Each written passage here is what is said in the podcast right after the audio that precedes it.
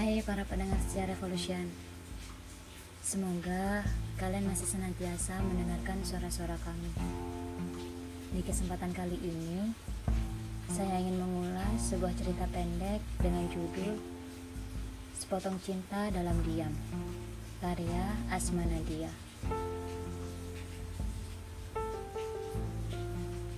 Cerita ini berawal dari sebuah paket yang tersesat di alamat rumah Di. Yang kala itu, Di sedang menikmati hari liburnya bersama teman-temannya dengan menonton acara TV Oprah Winfrey Show.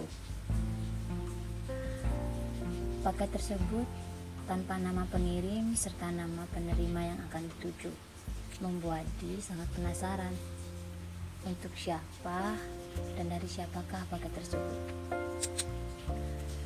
Di atas bingkisan paket itu ada sebuah amplop coklat yang tebal yang ingin sekali dibuka dan ingin sekali di melihat apa yang ada di dalamnya.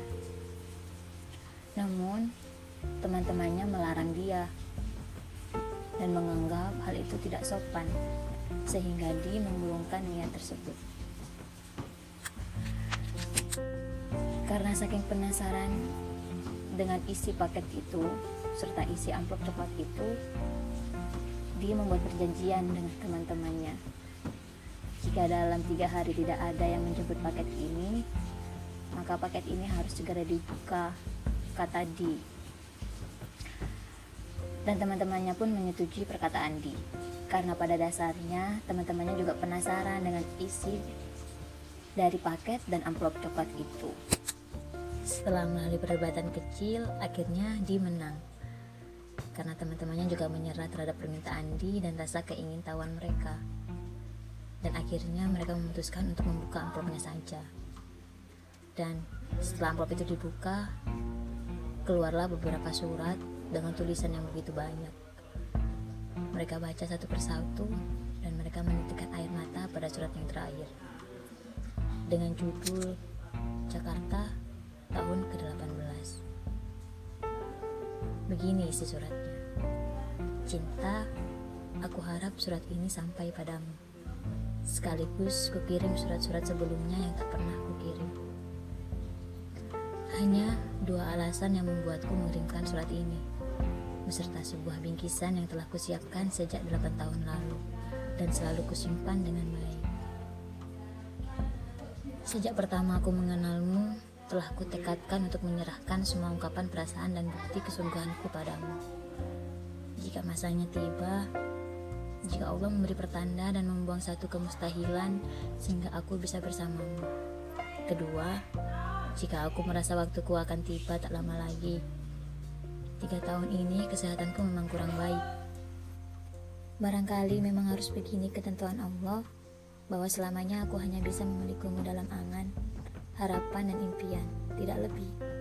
Tapi perempuan, tak pernah ku sesali pilihan yang kubuat, sebab bisa memiliki harapan untuk bersamamu lebih dari cukup bagiku. Sebab, seperti yang pernah kukatakan, sebelumnya aku tak pernah punya cita-cita, dan perempuanku memberiku cita-cita itu. Aku mencintaimu, teramat sangat, pada batas terdalam cinta yang mungkin dirasakan seseorang dan telah pula kau buktikan semampuku.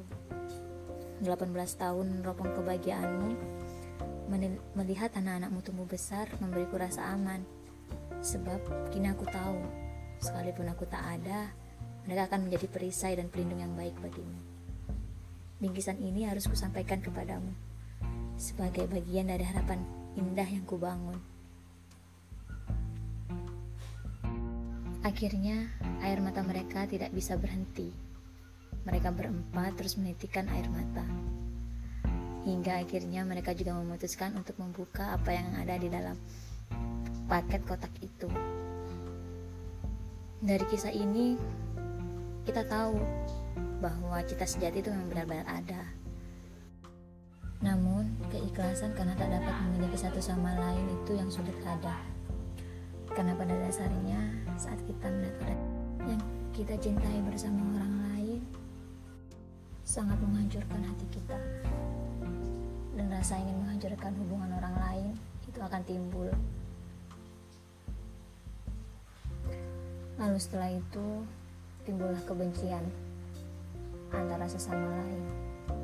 Jadi, untuk para pasangan-pasangan yang tidak bisa memiliki satu sama lain, belajarlah saling mengikhlaskan. Karena pada dasarnya, ikhlas itu indah jika memang kita tidak bisa memiliki satu sama lain.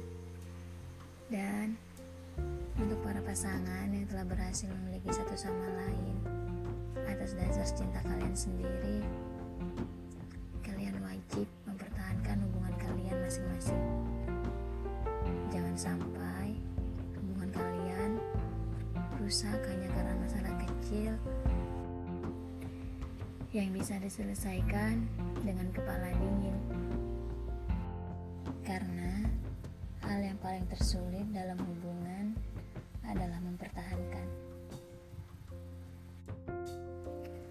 Mungkin hanya itu untuk malam ini.